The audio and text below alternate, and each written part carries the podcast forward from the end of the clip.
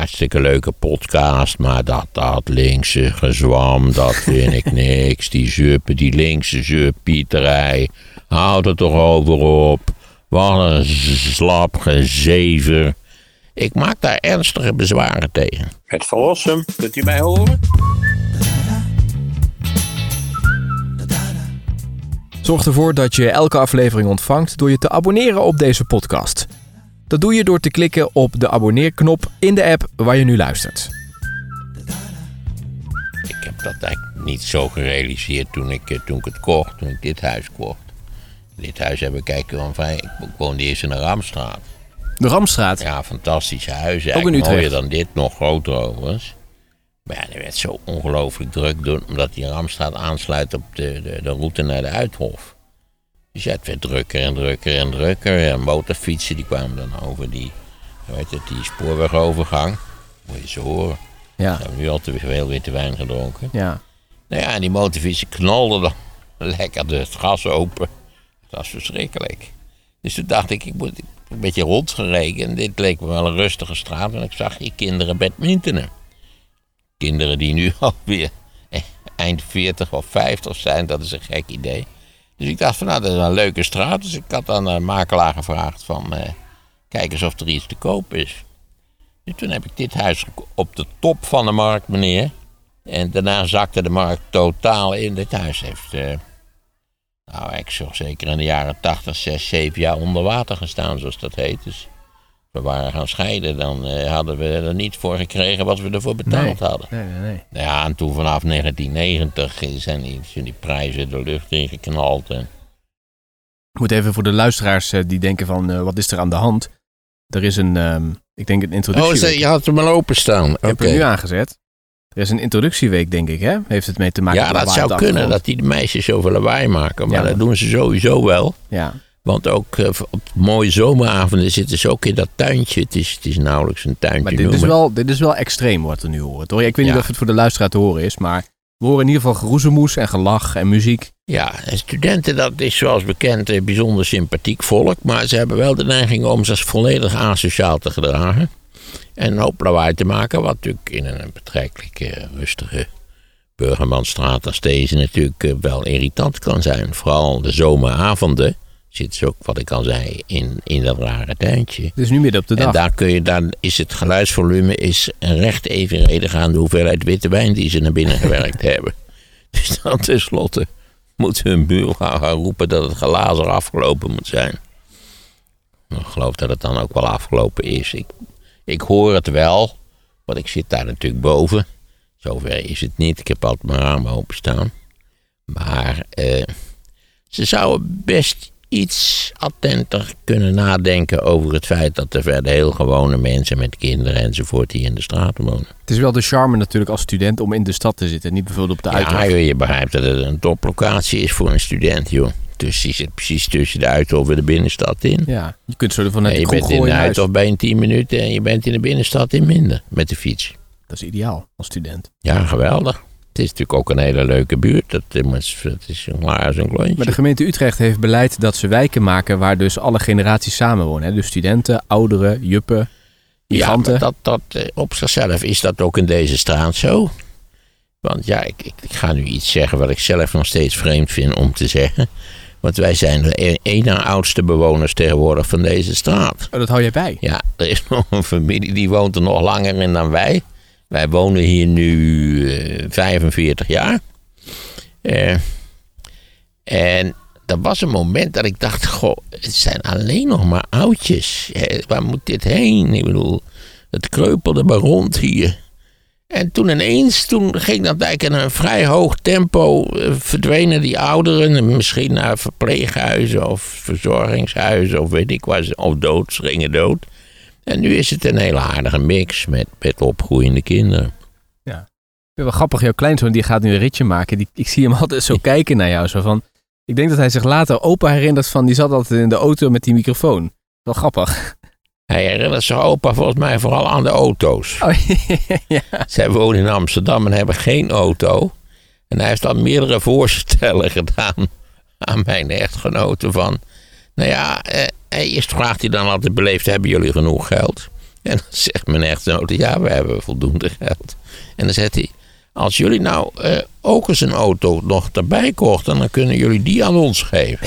Dan heeft hij er ook één. Ja. Het liefst zou hij dan deze hebben, die ik nu heb. Dat zou effectief wel een deftige auto. Eh, en ja, hij is enorm in auto's, wat merkwaardig is. Want bijvoorbeeld mijn kinderen hebben niks met auto's, zegt 0,0. Maar jij wel. Ik wel. Maar dat komt, mijn theorie is dat je iets met auto's hebt als je er zonder auto opgroeit. Ja, ik ben natuurlijk zonder auto opgegroeid. Mijn moeder kreeg een, duifgrijs dovientje. Nou, dat is al 59, 60 zijn geweest. Want toen moest ook nog een rijbewijs halen en zo. Eh, dat heeft ze gehaald op zichzelf een onbeschrijfelijk godswonder. En tegelijkertijd een levensgevaarlijke chauffeuse op de weg. Want dat mijn moeder niet, niet iets verschrikkelijks is overkomen achter het stuur, dat vind ik nog steeds een wonder werkelijk. Kijk, ze gaan steeds meer lawaai maken. Hè. Dat lawaai genereert zichzelf eigenlijk. Hè. Dat krijgt een soort eigen momentum, lawaaimakerij. En ze zijn natuurlijk nog op een leeftijd dat je denkt dat lawaai maken dat dat fijn is. Hè. Hoe meer lawaai, hoe beter. Denk aan al die mensen, al die arme mensen die al, al voor hun 25ste gehoorschade oplopen. Maar goed, daar had ik het eigenlijk helemaal niet over.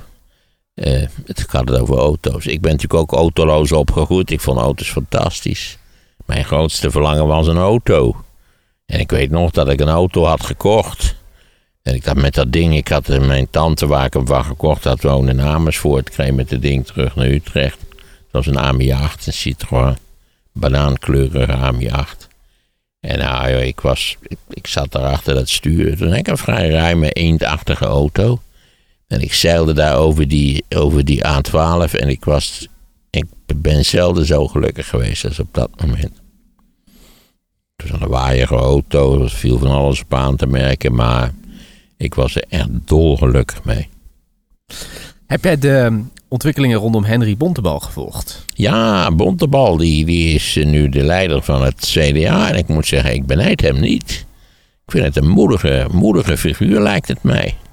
En bovendien eh, heeft hij natuurkunde gestudeerd. Dat, dat wekt bij mij altijd al een zeker vertrouwen. En gymnasium gedaan? Ja, dan denk je van, nou, in ieder geval heeft hij ze vijf, alle vijf op een rij.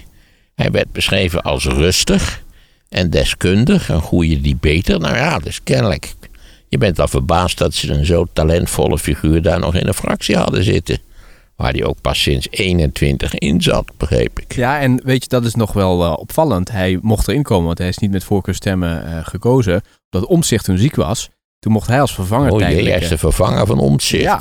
Oh, een beetje ook nog een nog grotere geestelijk lode last voor, voor Bontebal. Maar het leek mij een, een prima figuur. Hij komt uit een bevindelijk gereformeerd gezin. Wat is dat eigenlijk, bevindelijk gereformeerd? Ja, dat moet je mij niet precies vragen. Ook bij die gereformeerden heb je weer heel verschillende stromingen.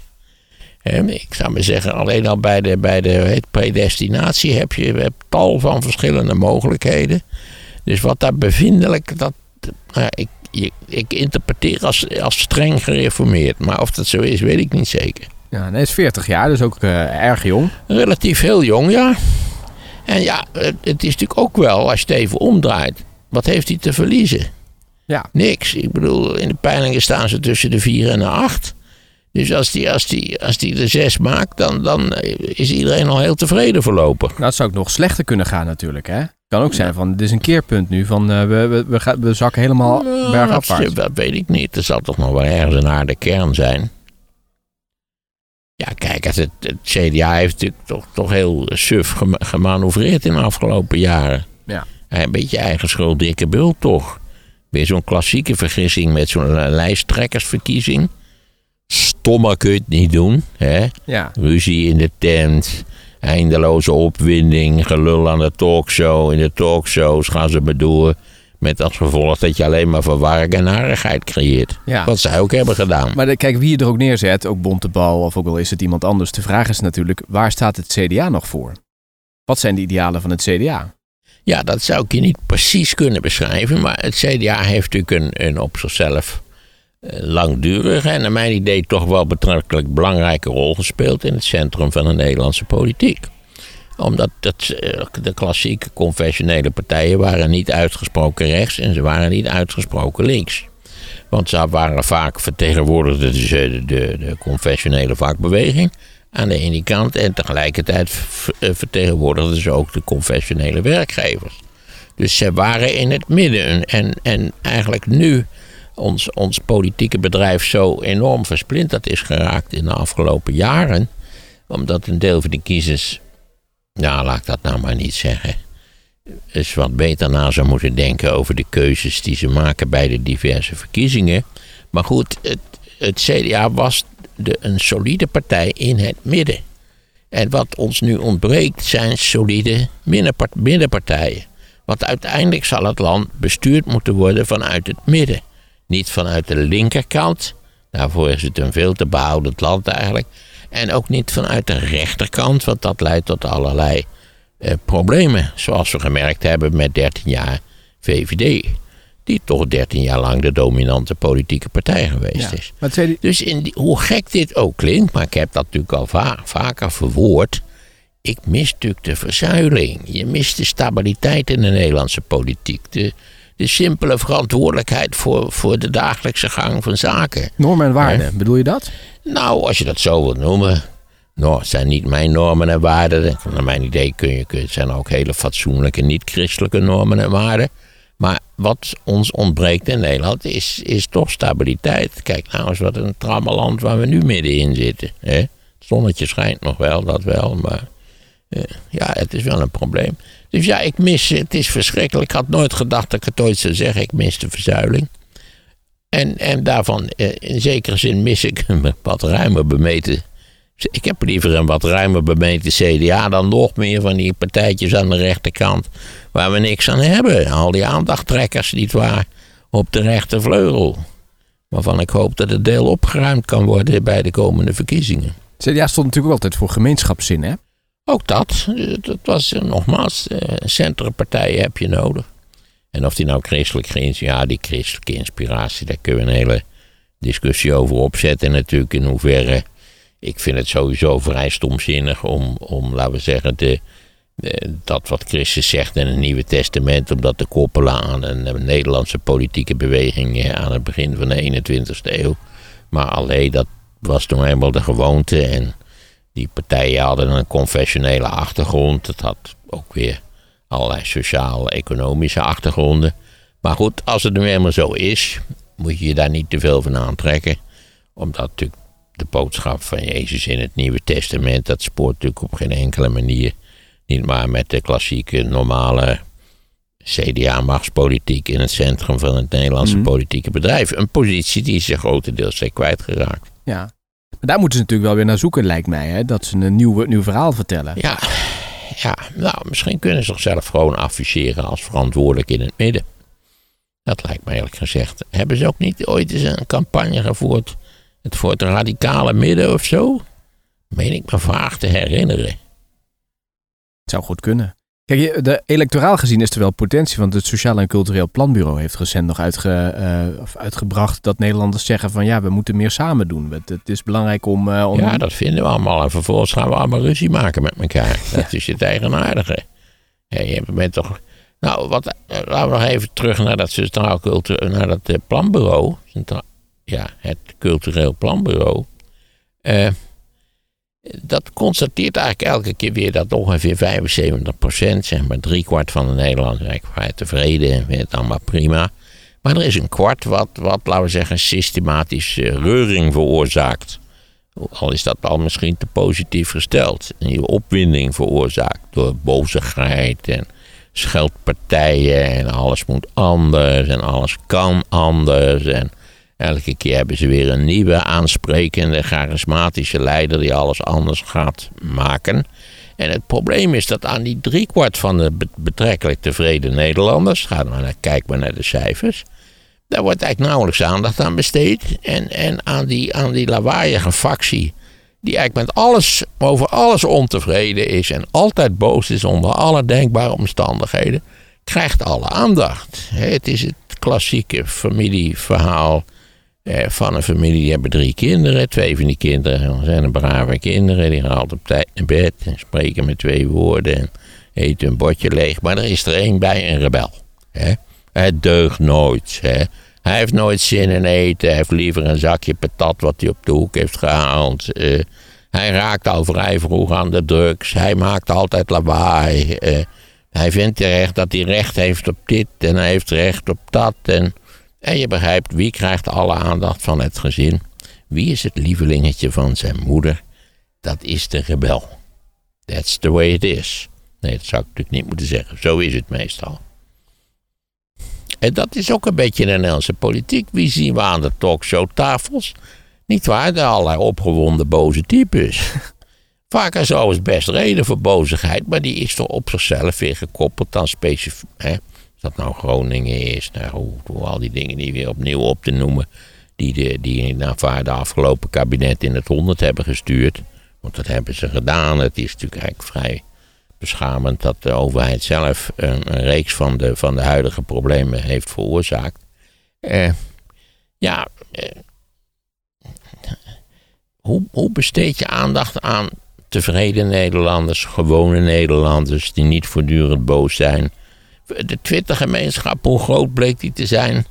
Relatief klein. Hè? Maar de kranten schrijven wel stukjes en dan doen ze nog vier van die Twitterberichten onder. Hè? Ik zwijg van de bedreigingen en zo. Zijn er, zijn er burgemeesters in Nederland die niet bedreigd zijn? Je begrijpt toch wel dat dat een betrekkelijk kleine groep is, die bedreigers. Hè?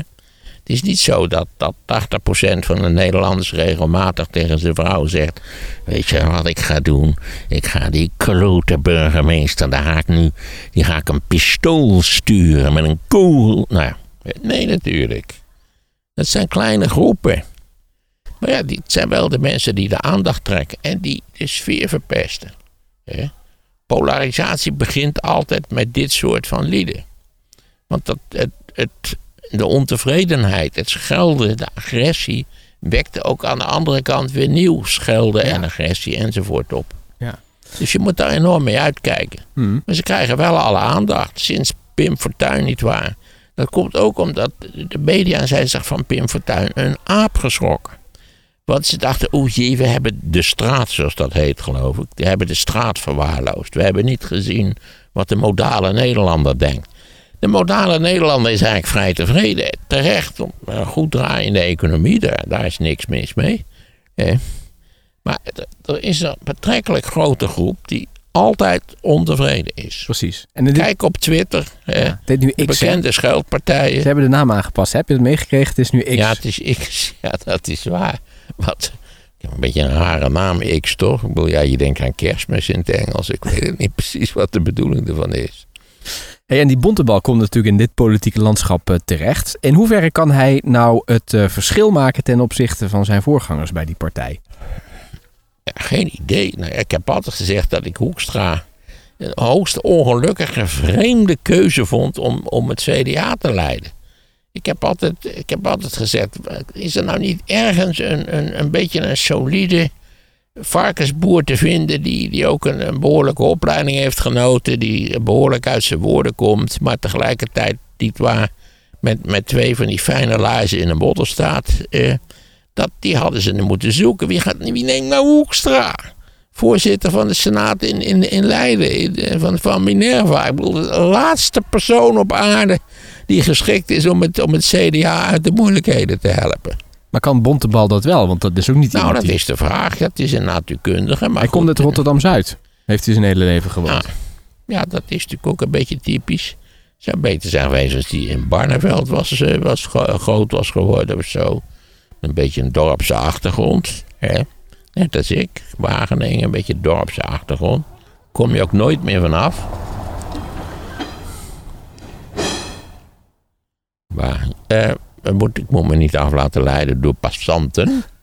Die, ja, opa en oma is dit. Die hebben een kleinkind op bezoek, zo te zien. Toch ook leuk. Mag ik nog eens een lans breken voor opa's en oma's? Ik heb het al eens eerder gedaan volgens mij. Maar echt, je hebt, als je echt een leuke opa's en oma's hebt, daar heb je zo ontzettend veel aan. Echt, dat is gewoon een enorm extra in je leven.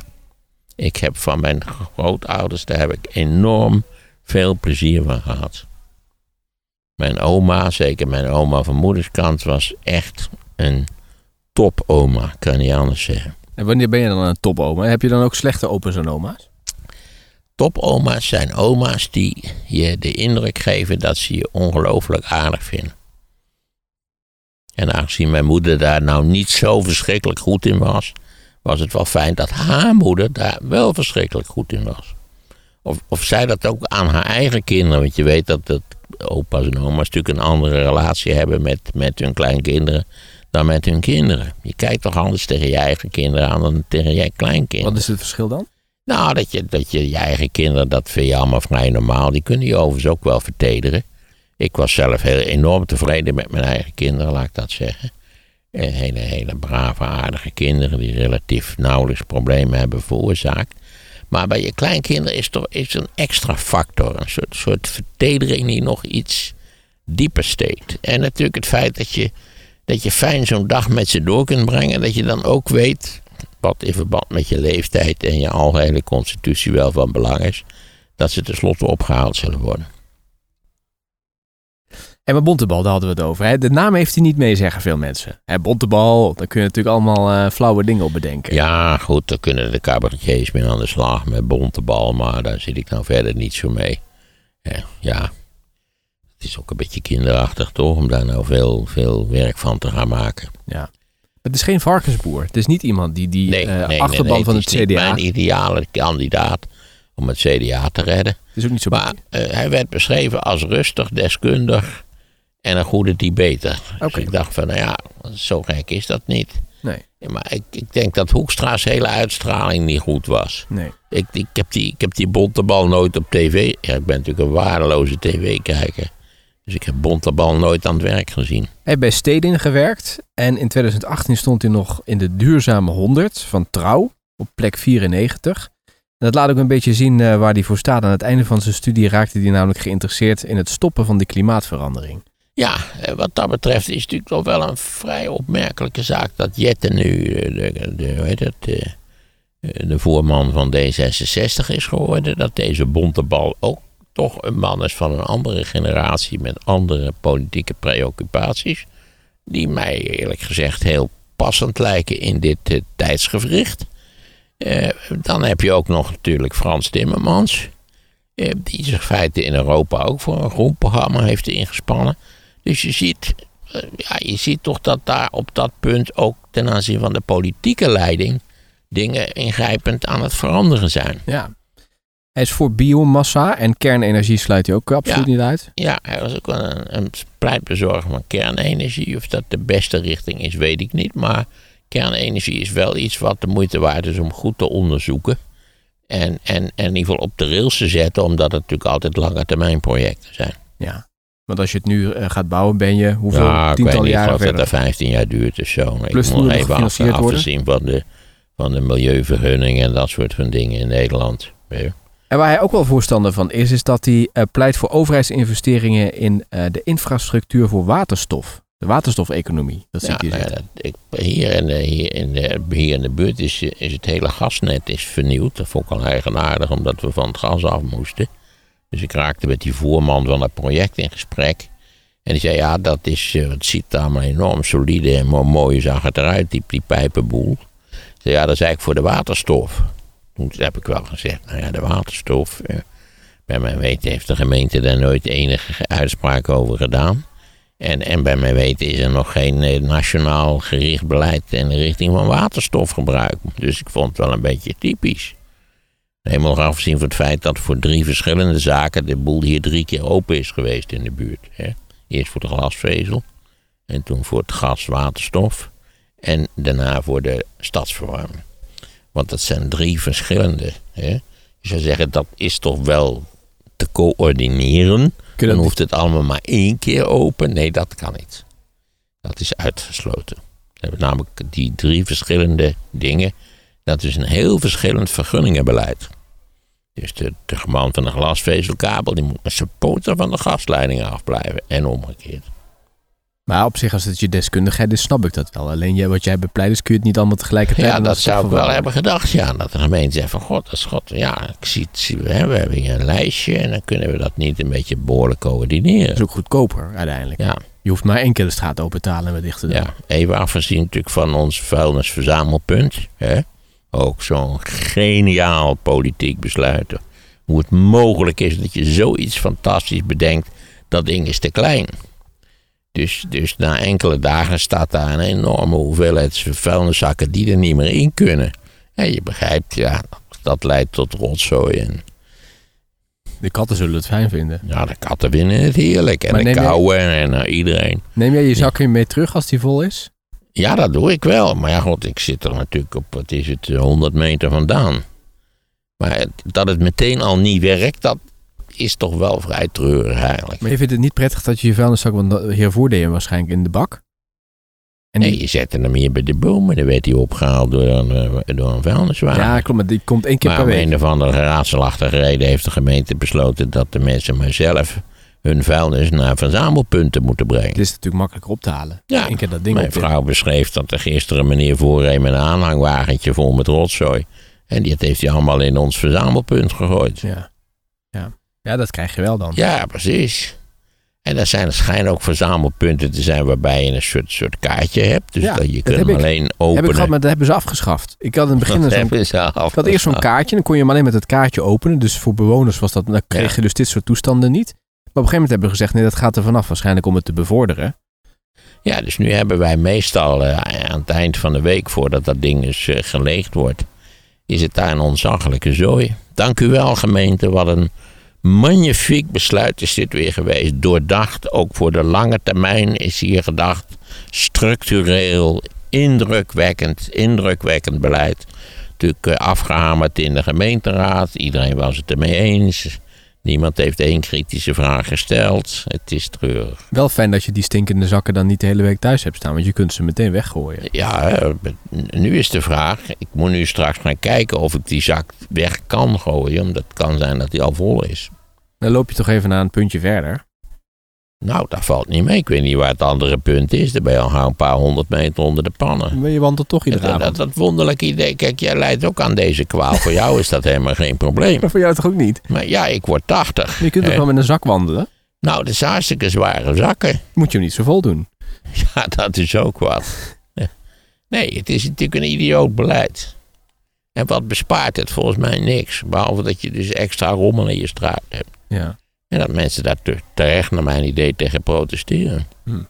Net zo goed als niemand heeft nagedacht over die godvergeten blikjes statiegeld. Dat blijkt ook een enorme ramp te hebben veroorzaakt. Want? Ja, die, dat mensen dus, eh, zwervers, die, die breken die vuilnisbakken open. Om die blikjes eruit te halen. En dan blijft de rotzooi op straat liggen. Ja. Het gaat om, wat is het, 5 cent per blikje volgens mij. Ja, nou, het is, het is meer volgens mij. Ik weet niet wat het is. Ik heb geen flauw idee. Ja, wij geven ze altijd mee aan de Albert Heijnman. Die neemt ze wel bij terug. Nog een ander plan van eh, Bontebal, wat wel opmerkelijk is. Hij heeft gezegd van misschien moeten we wel eh, de hoogovens van eh, Tata Steel deels of, of misschien wel helemaal ehm, ja, kopen. Zodat we in ieder geval ze kunnen verduurzamen. Anders gaat het niet gebeuren. Ja, ik, ik weet niet waarom wij ze dan zouden moeten kopen. Ik Nou, te zeggen, verduurzamen. dwing Tata tot verduurzamen. En, en zeg tegen Tata, als je niet verduurzaamt... Tata heeft natuurlijk al, veel beloven, weinig geven, doet de gek een vreugdeleven... is eigenlijk het algemene beleid van Tata altijd geweest. Ehm, en als jullie dat niet doen, dan eh, gaat het tent dicht. Het is heel simpel.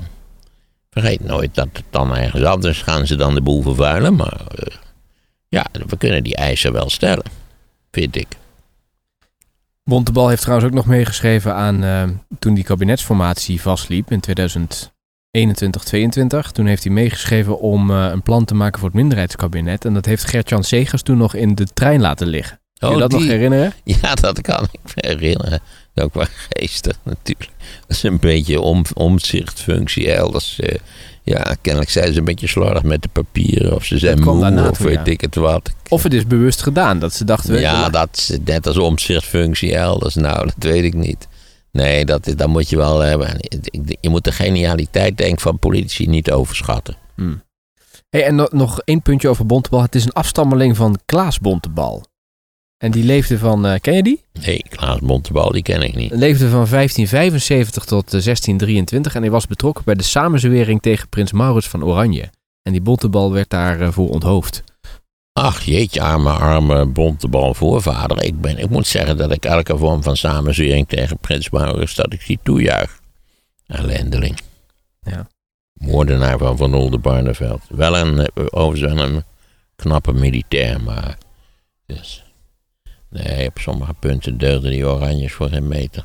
Hey, Niek-Jan van Kesteren, de CDA-senator die nu gestopt is, die heeft in de kwaliteitskrant nog eh, een interview gegeven. Ja, dat hij, dat zich zorgen maakt. En dit was toch wel een beetje een keerpunt, eh, begreep ik uit het verhaal. Ja, dat moeten we even afwachten. Ik zou zeggen, als Bontebal uh, pak een beetje zeven zetels haalt, dan eh, kunnen ze tevreden zijn. Kun je dan verder bouwen, dat weet ik niet. Dat is natuurlijk ook heel sterk afhankelijk van hoe, hoe de BB-beweging gaat functioneren. Gaan die heel slecht?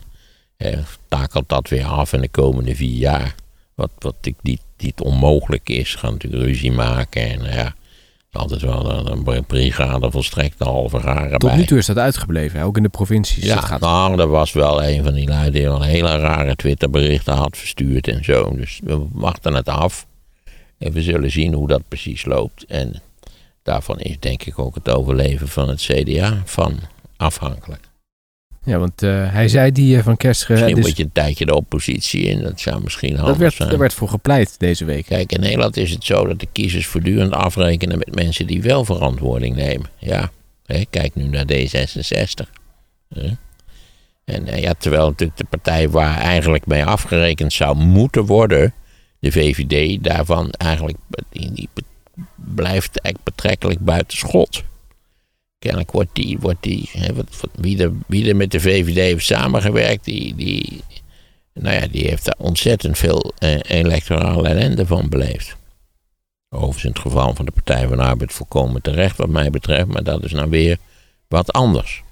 Ik wil ook nog iets zeggen in verband met al die berichten die hierbij, hè, dus de reactieberichten. Er waren er meerdere bij met zo'n verhaal van, ja, hartstikke leuke podcast, maar dat, dat linkse gezwam, dat vind ik niks. Die zuppen, die linkse houd er toch over op. Wat een slap gezever. Ik maak daar ernstige bezwaren tegen.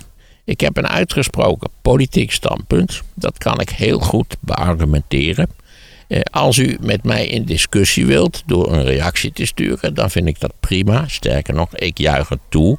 Maar dan niet van dat Twitter-gescheld van wat een gezever of van een kletskoek. Dan heeft u concrete punten. Die heeft u behoorlijk beargumenteerd en dat zet u op papier.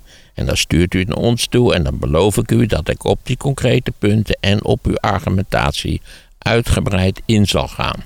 Maar dat slappe gescheld, dat Twitter-gescheld, daar ben ik niet van gediend. Stuurt u dan in godsnaam geen bericht, dat vind ik prima.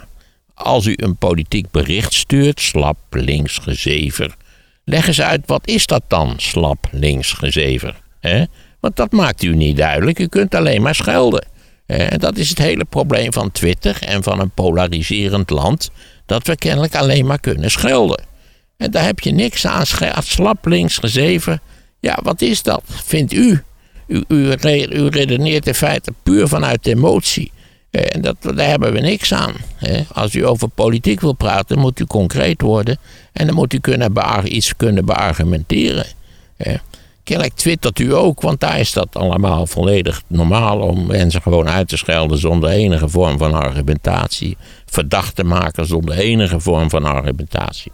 Laat ik voor iedereen nog even duidelijk maken wat mijn politieke standpunt eigenlijk is. Ik ben een sociaal-democraat. En dat betekent, de term zegt het al, dat de kern van de zaak is de democratie.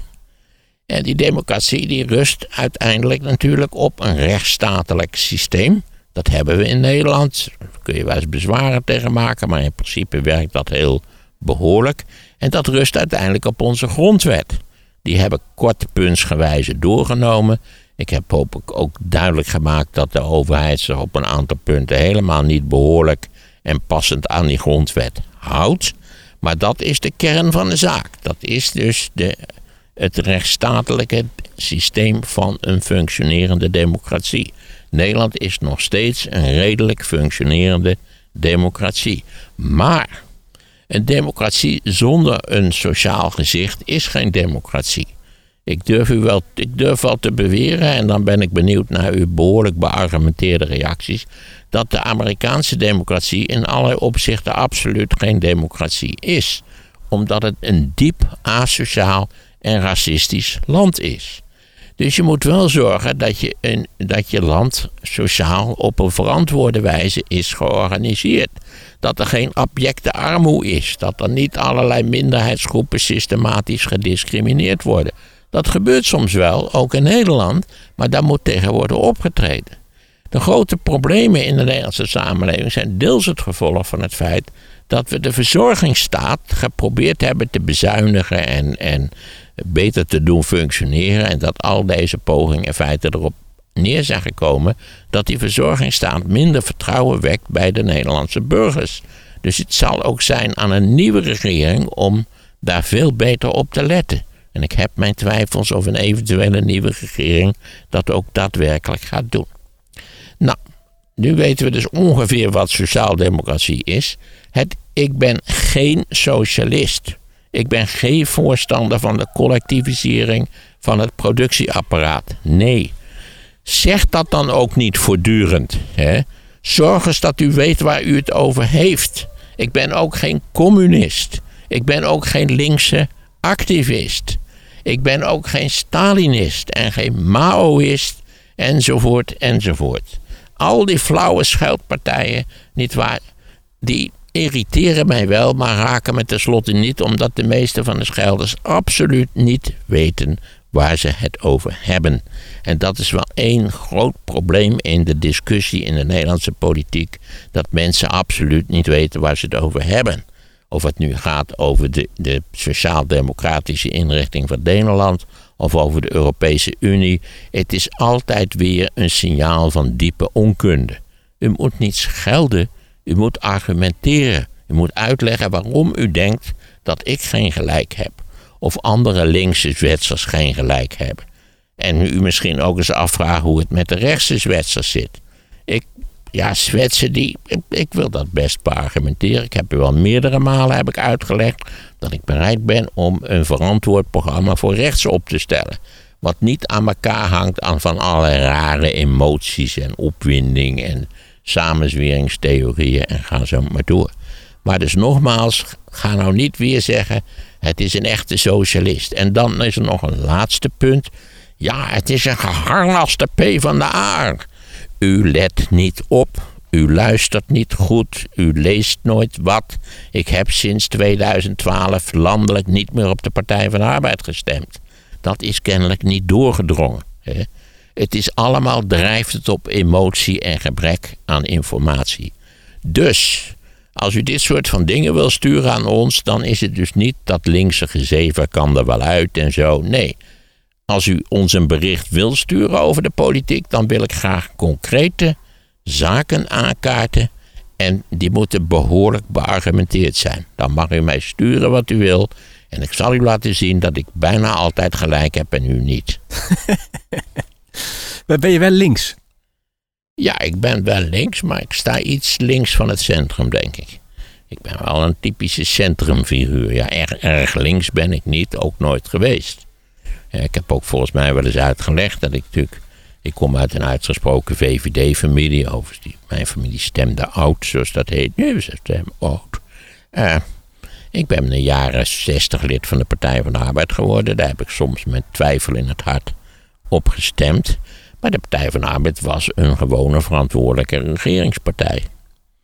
Ook weer niet nog weer een brief schrijven dat de PvdA Nederland naar de kloten heeft geholpen of met die immigranten is begonnen. Nee, dat hebben we ook al uitgelegd dat dat allemaal niet zo is. Maar misschien, want die vraag krijgen we uh, best wel vaak binnen. Daar gaan we snel aan voorbij.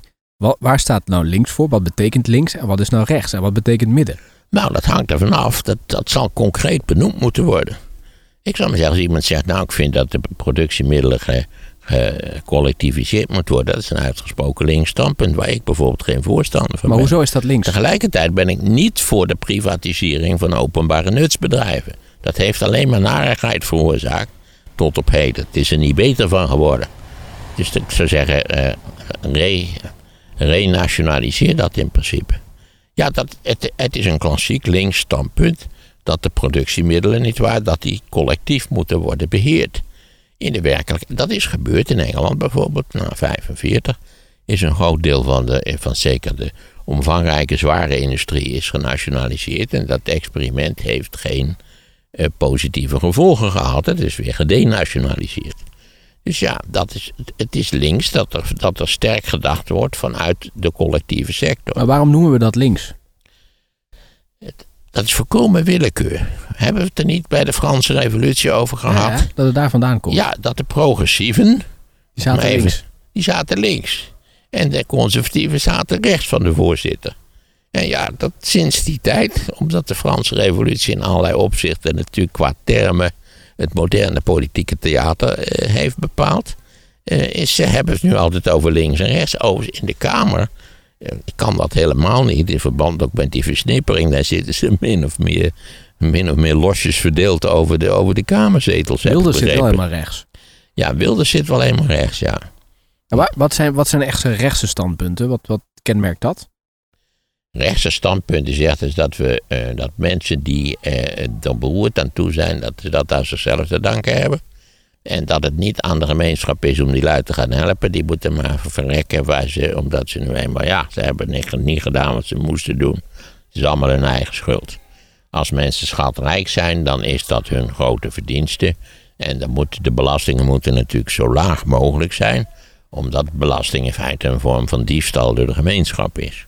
Dat is niet zo, maar dat is het standpunt.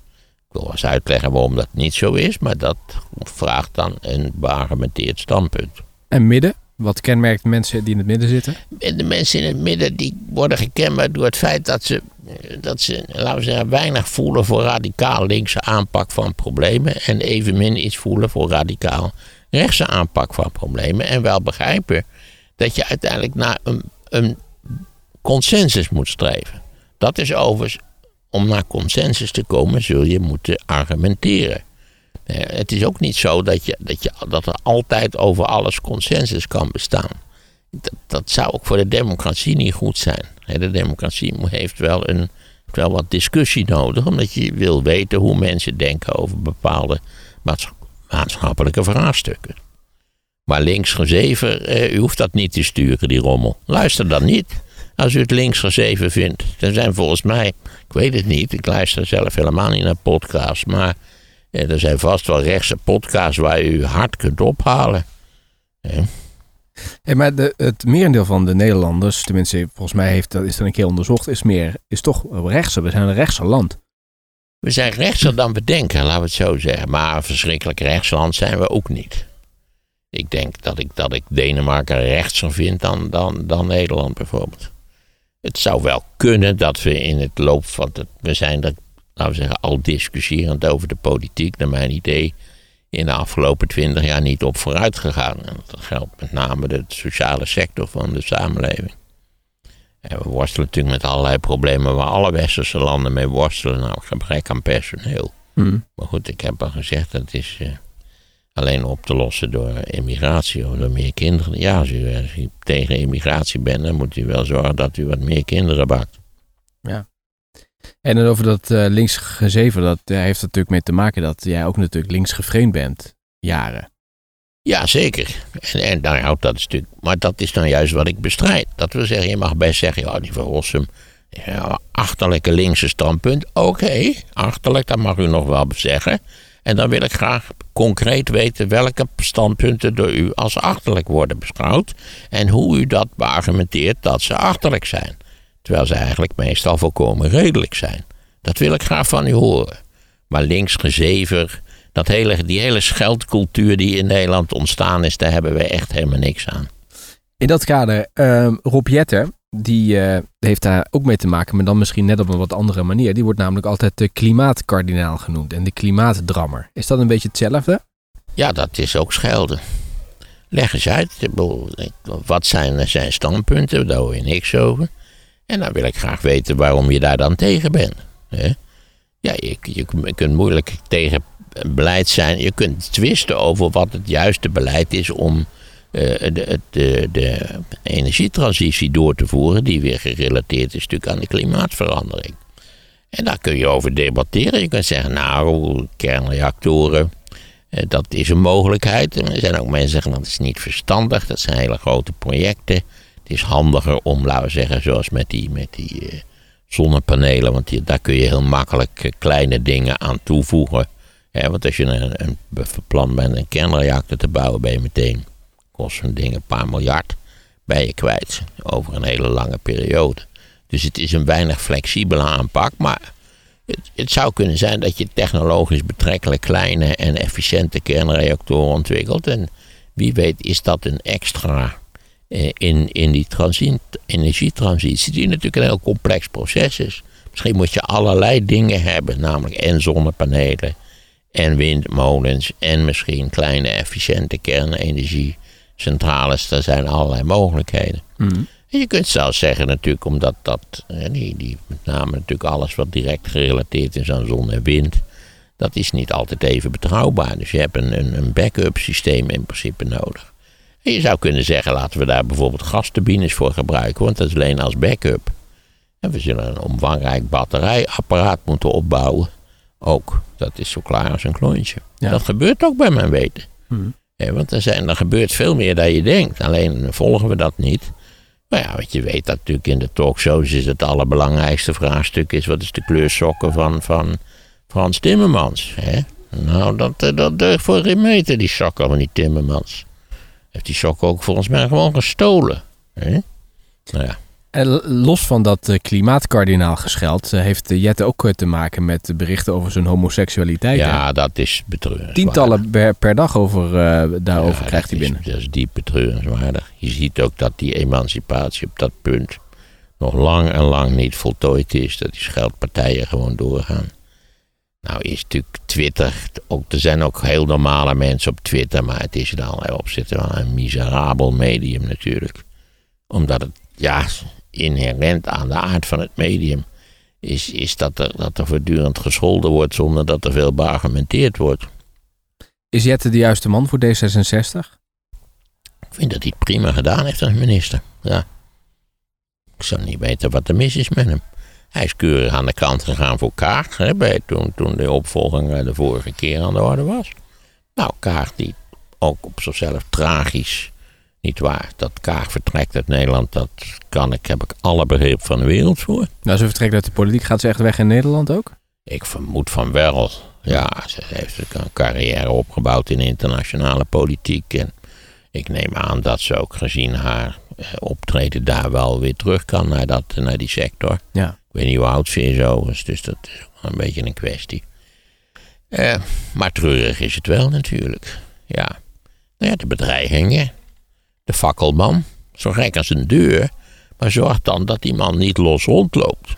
Want jij zei toch ook dat die voortdurend nog overal gesignaleerd werd. Of dat dan met of zonder fakkel is, dat weet ik niet precies. Maar Wat mij wel opviel een bij eenzame gek kan ook al een hoop narigheid aanrichten. 32.000 leden eh, heeft eh, D66 en maar een derde heeft die stem uitgebracht op Jette. Dat is al wel... Dat is heel normaal bij dit soort Ja. van gelegenheden. Ja, natuurlijk joh. PvdA heeft ook voortdurend stemmingen.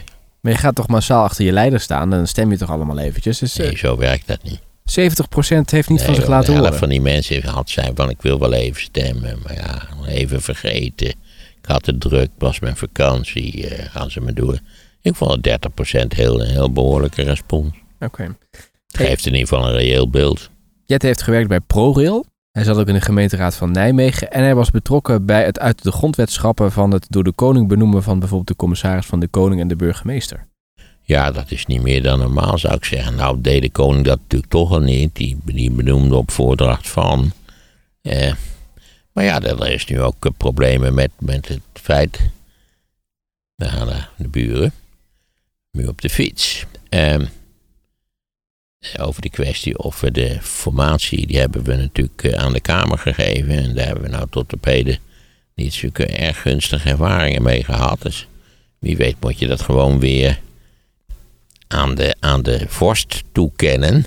Ja, die wordt natuurlijk gewoon achter de schermen geadviseerd. Dat begrijp je ook wel. Maar het is duidelijk dat de Kamer. Het is de klassieke fout. Onderhandel niet aan publiek. Dat is niet verstandig. Gaat iedereen op zijn strepen staan. Iedereen eh, kiest voor zijn meest radicale standpunt. Je gaat al heel gauw praten over winnaars en verliezers. Onderhandelen doe je achter gesloten deuren. Ze zeggen wel dat Jette ook eh, behoorlijk wat weerstand bij mensen oproept. Hè? Omdat hij een beetje het slimste jongetje van de klas, zo komt hij over. Wat is er tegen het slimste jongetje van de klas? Vinden mensen irritant schijnbaar. Ja, nou ja, daar heb ik ook een hoop ellendigheid van, van beleefd. Had natuurlijk nog een brilletje, hij heeft nu zijn ogen laten lezen. Ja, mijn man met een bril is sowieso natuurlijk uiterst verdacht. Hè? Hoe is het ook alweer? Vrouwen met een bril die maken nooit een kans. Hè? Dat is een Engelse uitdrukking voor.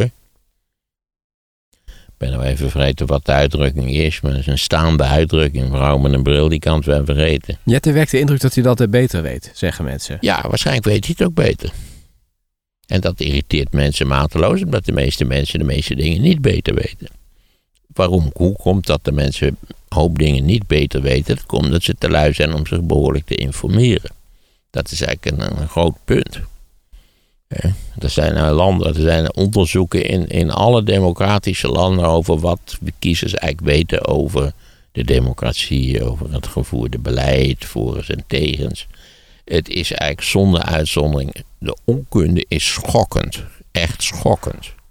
Het gekke is dat, dat je natuurlijk geneigd bent om te zeggen, nou, dan moeten we dat afschaffen, dan moeten we alleen mensen die er echt verstand van hebben, die laten we beslissen. Dat heb je gezegd, ja. Moet Maar doen. dat, dat, dat leidt natuurlijk tot, tot, tot vormen van verkapte dictatuur waar ik weer geen voorstander van ben. Dus die, maar dat de meeste mensen eh, ja, in feite eh, politieke besluiten nemen vanuit de onderbuik. En vanuit alle rare sentimenten, dat, dat de, alle onderzoeken wijzen in die richting. Oké. Hij wordt ook wel vergeleken nog met eh, Alexander Pechtold, Jette. En dan met name met Kereltje Pechtold. Kun je dat nog Ja, herinneren? Jan Blokker heeft dat verzonnen. Die, die columnist, ja. Waar Ja. sloeg dat op? Ik weet niet, dat, dat, dat, dat- ja, dat Pechtold iets, iets, iets kordaats heeft. Dat hij, dat hij zich een beetje beweegt zoals de mussen zich bewegen. Hè? Een beetje schokkerig, zal ik maar zeggen. Zo, zo denk ik hoor. Ja, Blok, Blokker kunnen we het niet meer vragen. Die eh, is eh, tot zijn vader verzameld geraakt. Ik weet, ja, dit zijn allemaal alles wat je zegt over Jette. Dat is natuurlijk gewoon een beetje kleinzielige kletspraat. Ja, hij maakt een eigenwijze indruk, zo? Nou ja, je weet natuurlijk dat naast de goede ideeën die hij ongetwijfeld heeft, draait het ook om beeldvorming. Tuurlijk is dat zo. Net zoals bij Kaag, die is het natuurlijk ook behoorlijk aangepakt. En het heeft... eh, Ja. Kaag maakte een elitaire indruk, wat mij altijd enorm bij mij heel sympathiek overkwam. Hè? Ik vond dat wel lollig. ja, serieus gestudeerd in het buitenland, spreekt meerdere talen. Ze ziet er ook een beetje deftig uit, ze praat een beetje deftig. Ik vond dat geweldig. Hè? Vooral omdat ik ook wel een beetje toch, misschien mijn eigen kinderachtigheid, vond het wel lullig, dat, eh, of wel aardig dat ze mensen tegen, een beetje tegen de haren in eh, eh, werkten. Dus als luisteraars nu zeggen, Maarten van Rossum is een Kaagvriend, dan mag dat, maar dan moeten ze dat wel beargumenteren. Ja, dat moeten ze wel beargumenteren. Ja, zeker. Sterker nog, ik heb op D66 gestemd bij de vorige verkiezingen. Dat heb ik in de tijd, dacht ik, eh, omstandig uitgelegd waarom ik dat gedaan heb. Links van het midden zitten zij, hè? Klopt dat? Ja, ik ben ook links van het midden, maar wel in het midden. Ja. Ja, die, die uiterste, daar heb je politiek gesproken uiteindelijk niets aan. Het, ze zijn onvermijdelijk. En, en enkele maal leveren ze ook wel een, laten we zeggen, de energie om iets opnieuw te bekijken of aan te pakken. Maar in principe, ja, het, het land moet van dag tot dag op een verantwoordelijke en verstandige manier bestuurd worden. En hoe gek, gek genoeg is het daar ook de afgelopen twintig jaar niet altijd van gekomen. Nee. Sjoerdsma, die... eh, ah, kijk. Waar de studenten? Oh, ze fietsen allemaal weg. ja. Lawaai maken ten wel.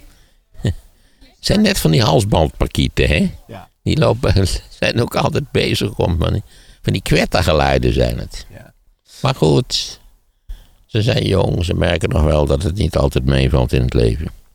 Sjoerdsma vertrekt ook bij D66. Geen idee eigenlijk wat hij gaat doen, maar die eh, houdt het ook voor gezien. Ja, zonder dat hij eigenlijk echt vreselijk teleurgesteld was of kritisch. En hij zat er al wel elf jaar in of zo. Dus dat, dan vind ik, nou, als je toch wel weg zeg maar, En dus dat komt, eh, hij zal ze twaalf jaar wel volmaken dan. Nou, dat vind ik redelijk. Ik Ja. vind ook dat Kamerleden minimaal twaalf jaar in de Kamer moeten zitten. Ja. Doen we in de volgende aflevering doen we de aanval van eh, rechts, met name van de rechtse media, op eh, Frans Timmermans. Eigenlijk was ik vaaglijk van plan om als nieuw onder... Iemand had voorgesteld, al, al in een van die vele zendingen van, van reacties die je mij gestuurd hebt... Duitsland na de oorlog. Ja, eh, precies. Dat leek me nou wel een lollig thema. Omdat je natuurlijk nu, nu we in Nederland weer dat hele gezeik hebben over die zoon van, van Joe Biden. Hè, Hunter Biden. Dat je denkt, god alle macht er nog aan toe. De, de teletext hoeft toch niet te openen met de zoon van de president. Als die president nou in een beerput was gevallen, allee. Maar dit is toch ook... Laten de Amerikanen zich daar zelf druk over maken. Maar daar hoeven wij ons toch niet druk over te maken. Want wat was daarmee dan, met die zoon? Nou ja, die heeft nu, die heeft nu een special prosecutor gekregen. Omdat hij had een deal met, met het OM. Maar die is, is, is, niet, die is niet doorgegaan. En nou ja, hoe het ook zij. Hij, daar komt nu een special prosecutor die al, al zijn, zijn overtredingen en wat hij al niet gedaan heeft gaat onderzoeken. Maar nogmaals, het interesseert geen reet. Gaan we er ook niet in verdiepen. Het is allemaal onzin. Kijk, ik heb ooit gezegd dat, dat, dat Maxima een- leek mij een prima vrouw voor onze vorstin. En dat of haar vader deugt, ja of nee, dat is toch flauwekul. Hè?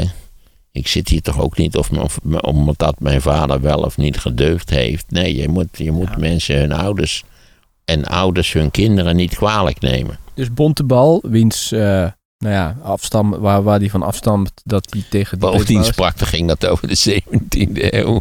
Ik zou. Dat verdient hij nou al helemaal niet. Dat die, dat die bontebal daar aan opgeknoopt wordt. Nee. Nee, nee, nee, nee, nee. Ik vind dat gezeik over kinderen ja, echt heel vervelend. En, en zeker vind ik dat het teletext er niet mee moet openen. Zijn- Kortom, laten we ons gewoon expres en een beetje om de boel te, te betreiteren, laten we ons dus in Duitsland gaan verdiepen. Duitsland altijd goed, altijd leuk. Ja, precies. Het is toch belachelijk hoe weinig aandacht wij aan Duitsland besteden. en de Brouwhaus is zo. De Brouwhaus Ja. is top. Lekker eten daar. Ja. Terwijl aan Amerika dus voortdurend te veel aandacht krijgt. Of het nu Taylor Swift, Swift is of Hunter Biden, het kan me niet schelen. Donder eens op met die Amerikaanse dingetjes. Maar het is wel zo dat eh, Trump-aanhangers zeggen... ja, maar jij censureert, eh, Maarten... doordat je het niet over Hunter Biden wil hebben. Nou, als ik het dan toch over Hunter Biden, dan wil ik ook nog wel een boekje open doen over die ongelofelijke eikels, die zonen van Trump. Dat is nog, eh, oh, dat is zijn gezellige lui. Hè? Sowieso dat, dat, die, die, dat Trump gewoon dat hele oplichtersbedrijf van hem gewoon doorgerund heeft terwijl hij president was. Nee, kom op. Dat is allemaal zo eenzijdig als de pers. Mensen zeggen eigenlijk van... ja, Trump is geen, geen heilig boontje... maar eh, Biden absoluut ook niet. Nou, daar zit veel in. Maar nogmaals, je kunt Joe Biden moeilijk het wangedrag van zijn zoon ver... ver- ver- Daarvoor dat, dat mijn zoon morgen iets, iets verschrikkelijks doet. Is dat dan mijn schuld of zo? Ik wil zeggen, dat komt door die linkse van Rossum. Door die communist. Door die opvoeding. Ja, precies. Dat heb je al met al die socialisten. Hè? Een man met een bril is sowieso natuurlijk uiterst verdacht. Hè? Er is een nieuw luisterboek. Het caretaker-kabinet Zijlstra is nu verdwenen. We hebben de verkiezingen van 67 gehad. Daarin vertelt Maarten van Rossum over alle naoorlogse minister-presidenten. Inclusief het tijdperk Mark Rutte. Ja, die waren historisch in de zin dat voor het eerst sinds eh, het algemeen kiesrecht, man- en vrouwenkiesrecht was ingevoerd, eh, de confessionele partijen niet langer een meerderheid in de Tweede Kamer hadden. Je downloadt het nieuwe luisterboek van ruim 3,5 uur via de link in de show notes. En in de podcast Sea Level is Wouter Kolk te gast, de baas van Ahold Delhaize, het moederbedrijf van onder andere Albert Heijn en Bol.com. Wil je weten wat zijn plannen zijn voor de toekomst van de supermarkt? Check dan nu de aflevering van Sea Level via de link in de show notes.